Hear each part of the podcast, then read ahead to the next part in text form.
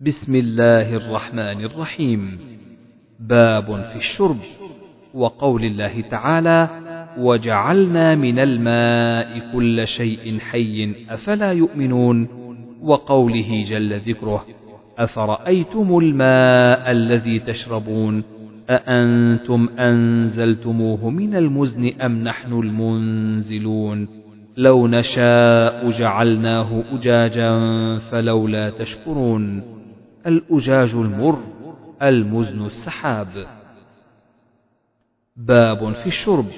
ومن رأى صدقة الماء وهبته ووصيته جائزة مقسوما كان أو غير مقسوم.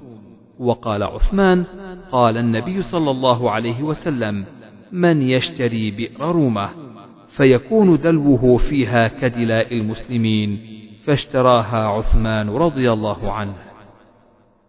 حدثنا سعيد بن أبي مريم حدثنا أبو غسان قال حدثني أبو حازم عن سهل بن سعد رضي الله عنه قال أتي النبي صلى الله عليه وسلم بقدح فشرب منه وعن يمينه غلام أصغر القوم والأشياخ عن يساره فقال يا غلام أتأذن لي أن أعطيه الأشياخ؟ قال ما كنت لأوثر بفضلي منك أحدا يا رسول الله فأعطاه إياه. حدثنا أبو اليمان أخبرنا شعيب عن الزهري قال حدثني أنس بن مالك رضي الله عنه أنها حلبت لرسول الله صلى الله عليه وسلم شاة داج وهي في دار أنس بن مالك وشيب لبنها بماء من البئر التي في دار أنس فأعطى رسول الله صلى الله عليه وسلم القدح فشرب منه حتى إذا نزع القدح من فيه وعلى يساره أبو بكر وعن يمينه أعرابي. فقال عمر وخاف أن يعطيه الأعرابي. أعط أبا بكر يا رسول الله عندك. فأعطاه الأعرابي الذي على يمينه. ثم قال الأيمن فالأيمن. باب من قال إن صاحب الماء أحق بالماء حتى يروى لقول النبي صلى الله عليه وسلم لا يمنع فضل الماء. حدثنا عبد الله بن يوسف أخبرنا مالك عن أبي الزناد عن الأعرج عن أبي هريرة رضي الله عنه أن رسول الله صلى الله عليه وسلم قال لا يمنع فضل الماء ليمنع به الكلأ حدثنا يحيى بن بكير حدثنا الليث عن عقيل عن ابن شهاب عن ابن المسيب وأبي سلمة عن أبي هريرة رضي الله عنه. أن رسول الله صلى الله عليه وسلم قال: لا تمنعوا فضل الماء لتمنعوا به فضل الكلى. باب من حفر بئرا في ملكه لم يضمن. حدثنا محمود أخبرنا عبيد الله عن إسرائيل عن أبي حصين عن أبي صالح عن أبي هريرة رضي الله عنه قال: قال رسول الله صلى الله عليه وسلم: المعدن جبار والبئر جبار والعجماء جبار وفي الركاز الخمس. باب الخصومة في البئر والقضاء فيها.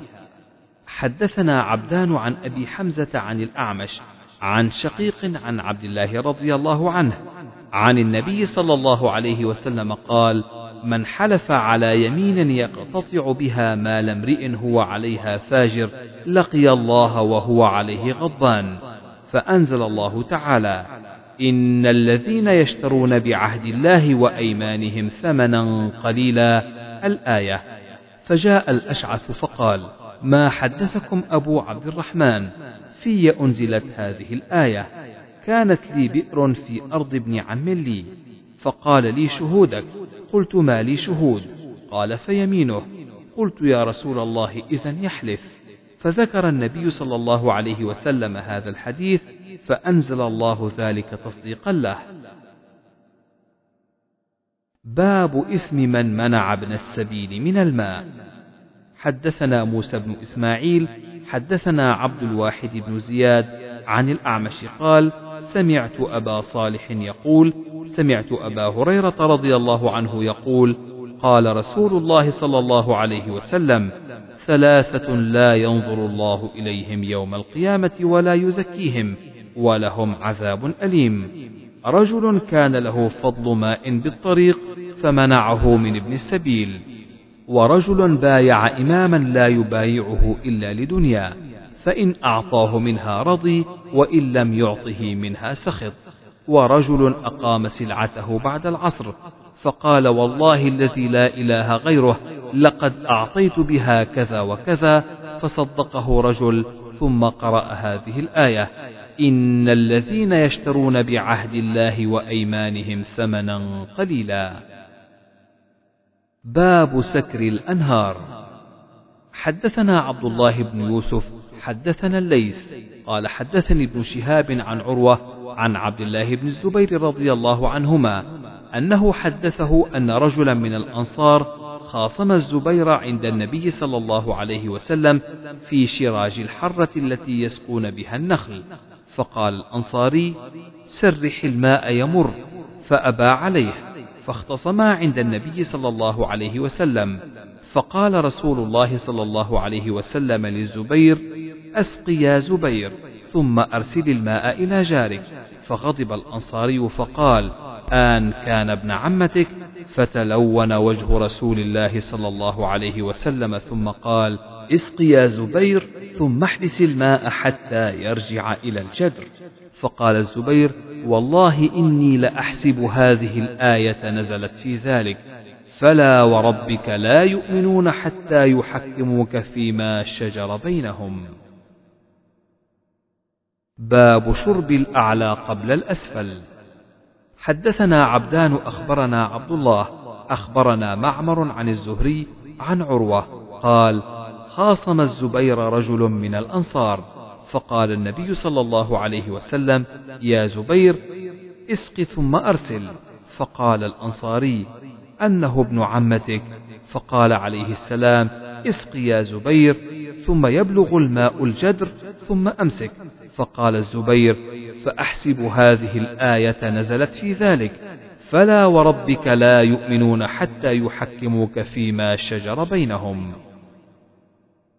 باب شرب الأعلى إلى الكعبين.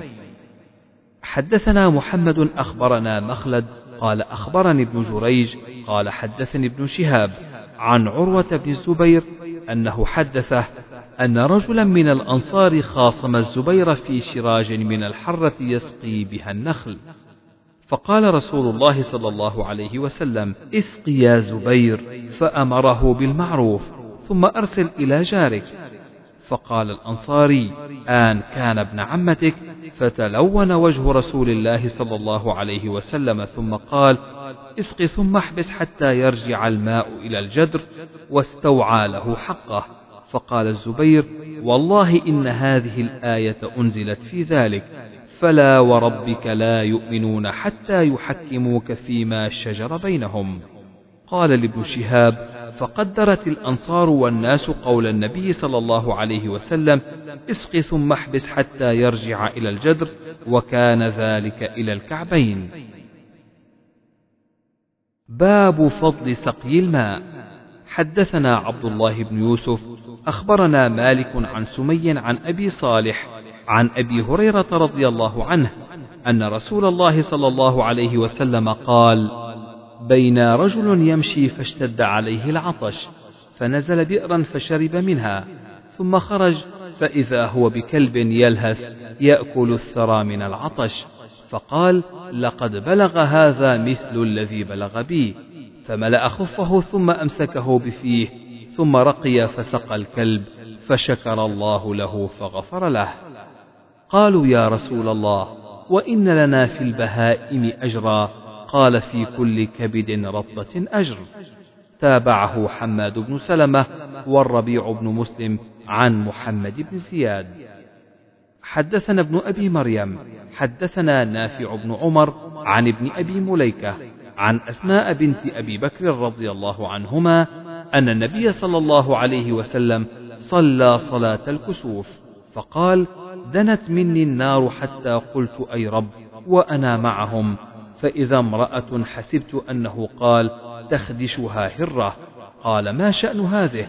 قالوا حبستها حتى ماتت جوعا حدثنا إسماعيل قال حدثني مالك عن نافع عن عبد الله بن عمر رضي الله عنهما أن رسول الله صلى الله عليه وسلم قال عذبت امرأة في هرة حبستها حتى ماتت جوعا فدخلت فيها النار. قال فقال والله أعلم لا أنت أطعمتيها ولا سقيتها حين حبستيها ولا أنت أرسلتيها فأكلت من خشاش الأرض. باب من رأى أن صاحب الحوض والقربة أحق بمائه. حدثنا قتيبة حدثنا عبد العزيز عن أبي حازم عن سهل بن سعد رضي الله عنه قال أتي رسول الله صلى الله عليه وسلم بقدح فشرب وعن يمينه غلام هو أحدث القوم والأشياخ عن يساره. قال يا غلام أتأذن لي أن أعطي الأشياخ؟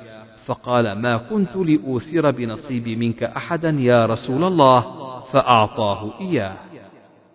حدثنا محمد بن بشار حدثنا غندر حدثنا شعبة عن محمد بن زياد.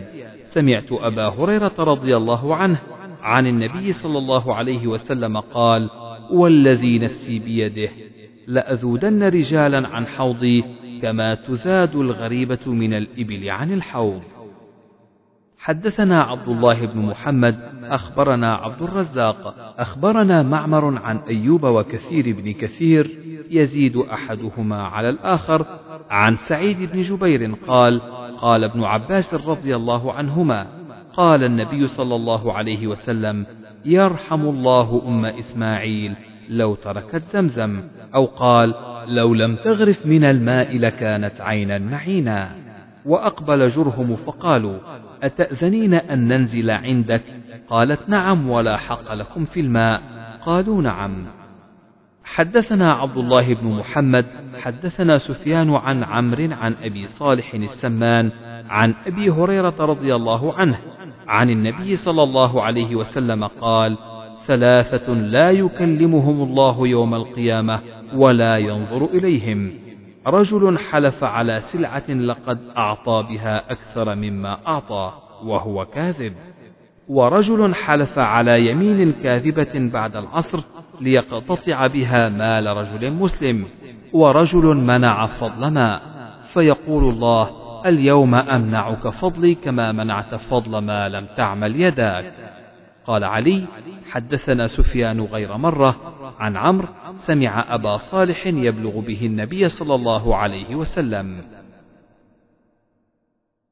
باب لا حمى إلا لله ولرسوله صلى الله عليه وسلم.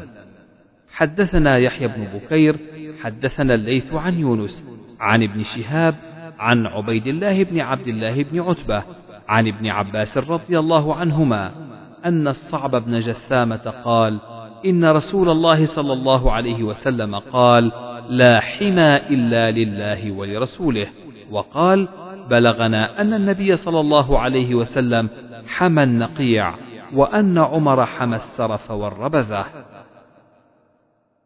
باب شرب الناس والدواب من الأنهار. حدثنا عبد الله بن يوسف أخبرنا مالك بن أنس عن زيد بن أسلم عن أبي صالح السمان عن أبي هريرة رضي الله عنه أن رسول الله صلى الله عليه وسلم قال الخيل لرجل أجر ولرجل ستر وعلى رجل وزر. فأما الذي له أجر فرجل ربطها في سبيل الله فأطال بها في مرج أو روضة فما أصابت في طيلها ذلك من المرج أو الروضة كانت له حسنات. ولو أنه انقطع طيلها فاستنت شرفا أو شرفين كانت آثارها وأرواثها حسنات له. ولو أنها مرت بنهر فشربت منه ولم يرد أن يسقي كان ذلك حسنات له فهي لذلك أجر. ورجل ربطها تغنيا وتعففا ثم لم ينس حق الله في رقابها ولا ظهورها فهي لذلك ستر. ورجل ربطها فخرا ورياء ونواء لأهل الإسلام فهي على ذلك وزر. وسئل رسول الله صلى الله عليه وسلم عن الحمر فقال ما أنزل علي فيها شيء إلا هذه الآية الجامعة الفاذة. فمن يعمل مثقال ذرة خيرا يره ومن يعمل مثقال ذرة شرا يره. حدثنا إسماعيل حدثنا مالك عن ربيعة بن أبي عبد الرحمن عن يزيد مولى المنبعث عن زيد بن خالد رضي الله عنه قال جاء رجل إلى رسول الله صلى الله عليه وسلم فسأله عن اللقطة فقال اعرف عفاصها ووكاءها ثم عرفها سنة فإن جاء صاحبها وإلا فشأنك بها. قال فضالة الغنم. قال هي لك أو لأخيك أو للذئب؟ قال فضالة الإبل. قال ما لك ولها؟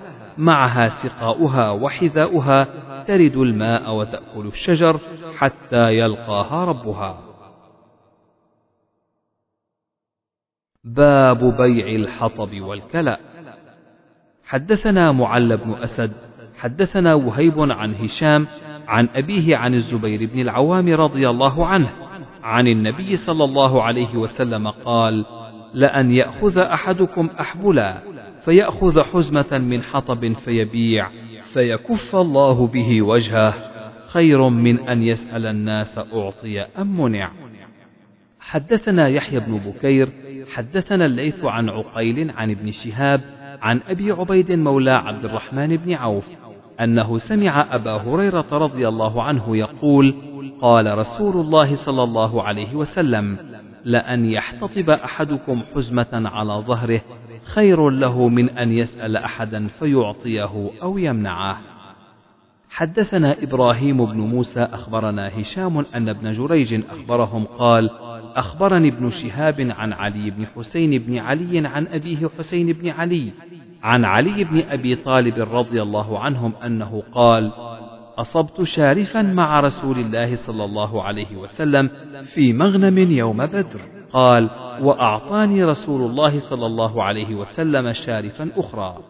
فأنختهما يوما عند باب رجل من الأنصار وأنا أريد أن أحمل عليهما إذخرا لأبيعه ومعي صائغ من بني قينقاع فأستعين به على وليمة فاطمة وحمزة بن عبد المطلب يشرب في ذلك البيت معه قينة فقالت ألا يا حمزة للشرف النواء؟ فثار إليهما حمزة بالسيف فجب أسلمتهما وبقر خواصرهما. ثم أخذ من أكبادهما. قلت لابن شهاب ومن السنام؟ قال قد جب أسلمتهما. فذهب بها. قال ابن شهاب قال علي رضي الله عنه فنظرت إلى منظر أفظعني فأتيت نبي الله صلى الله عليه وسلم وعنده زيد بن حارثة فأخبرته الخبر فخرج ومعه زيد فانطلقت معه فدخل على حمزة فتغيظ عليه فرفع حمزة بصره وقال هل أنتم إلا عبيد لآبائي؟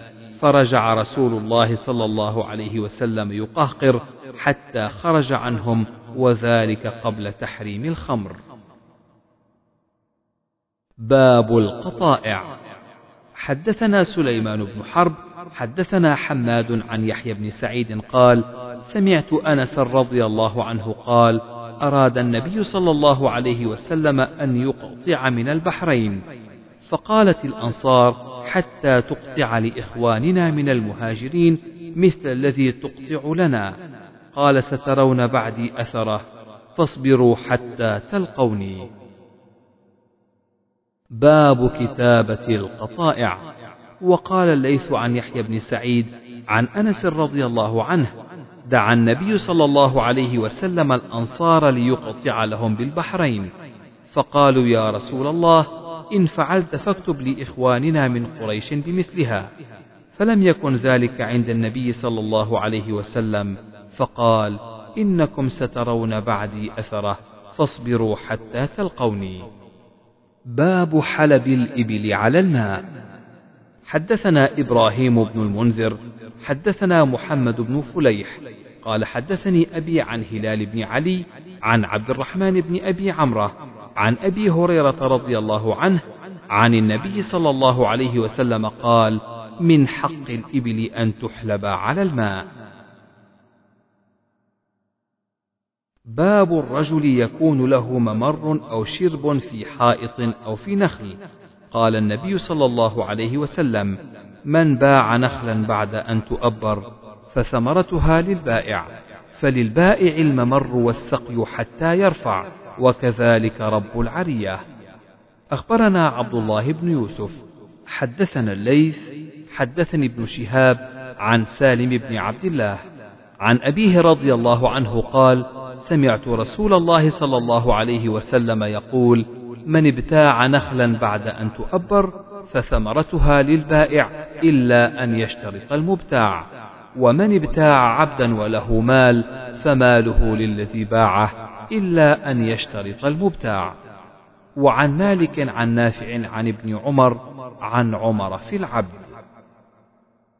حدثنا محمد بن يوسف حدثنا سفيان عن يحيى بن سعيد عن نافع عن ابن عمر عن زيد بن ثابت رضي الله عنهم قال رخص النبي صلى الله عليه وسلم أن تباع العرايا بخرصها تمرا.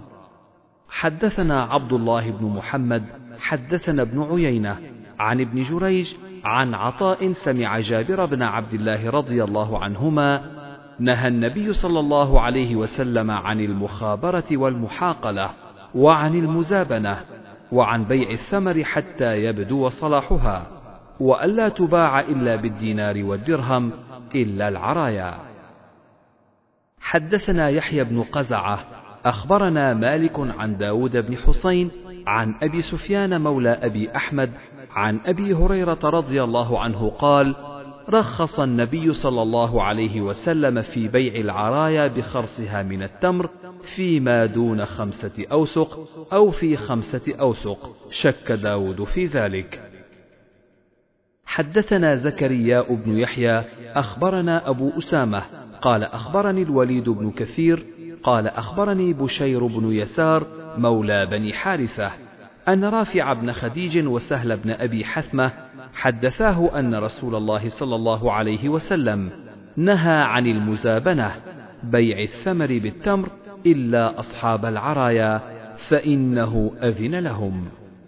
قال أبو عبد الله وقال ابن إسحاق حدثني بشير مثله.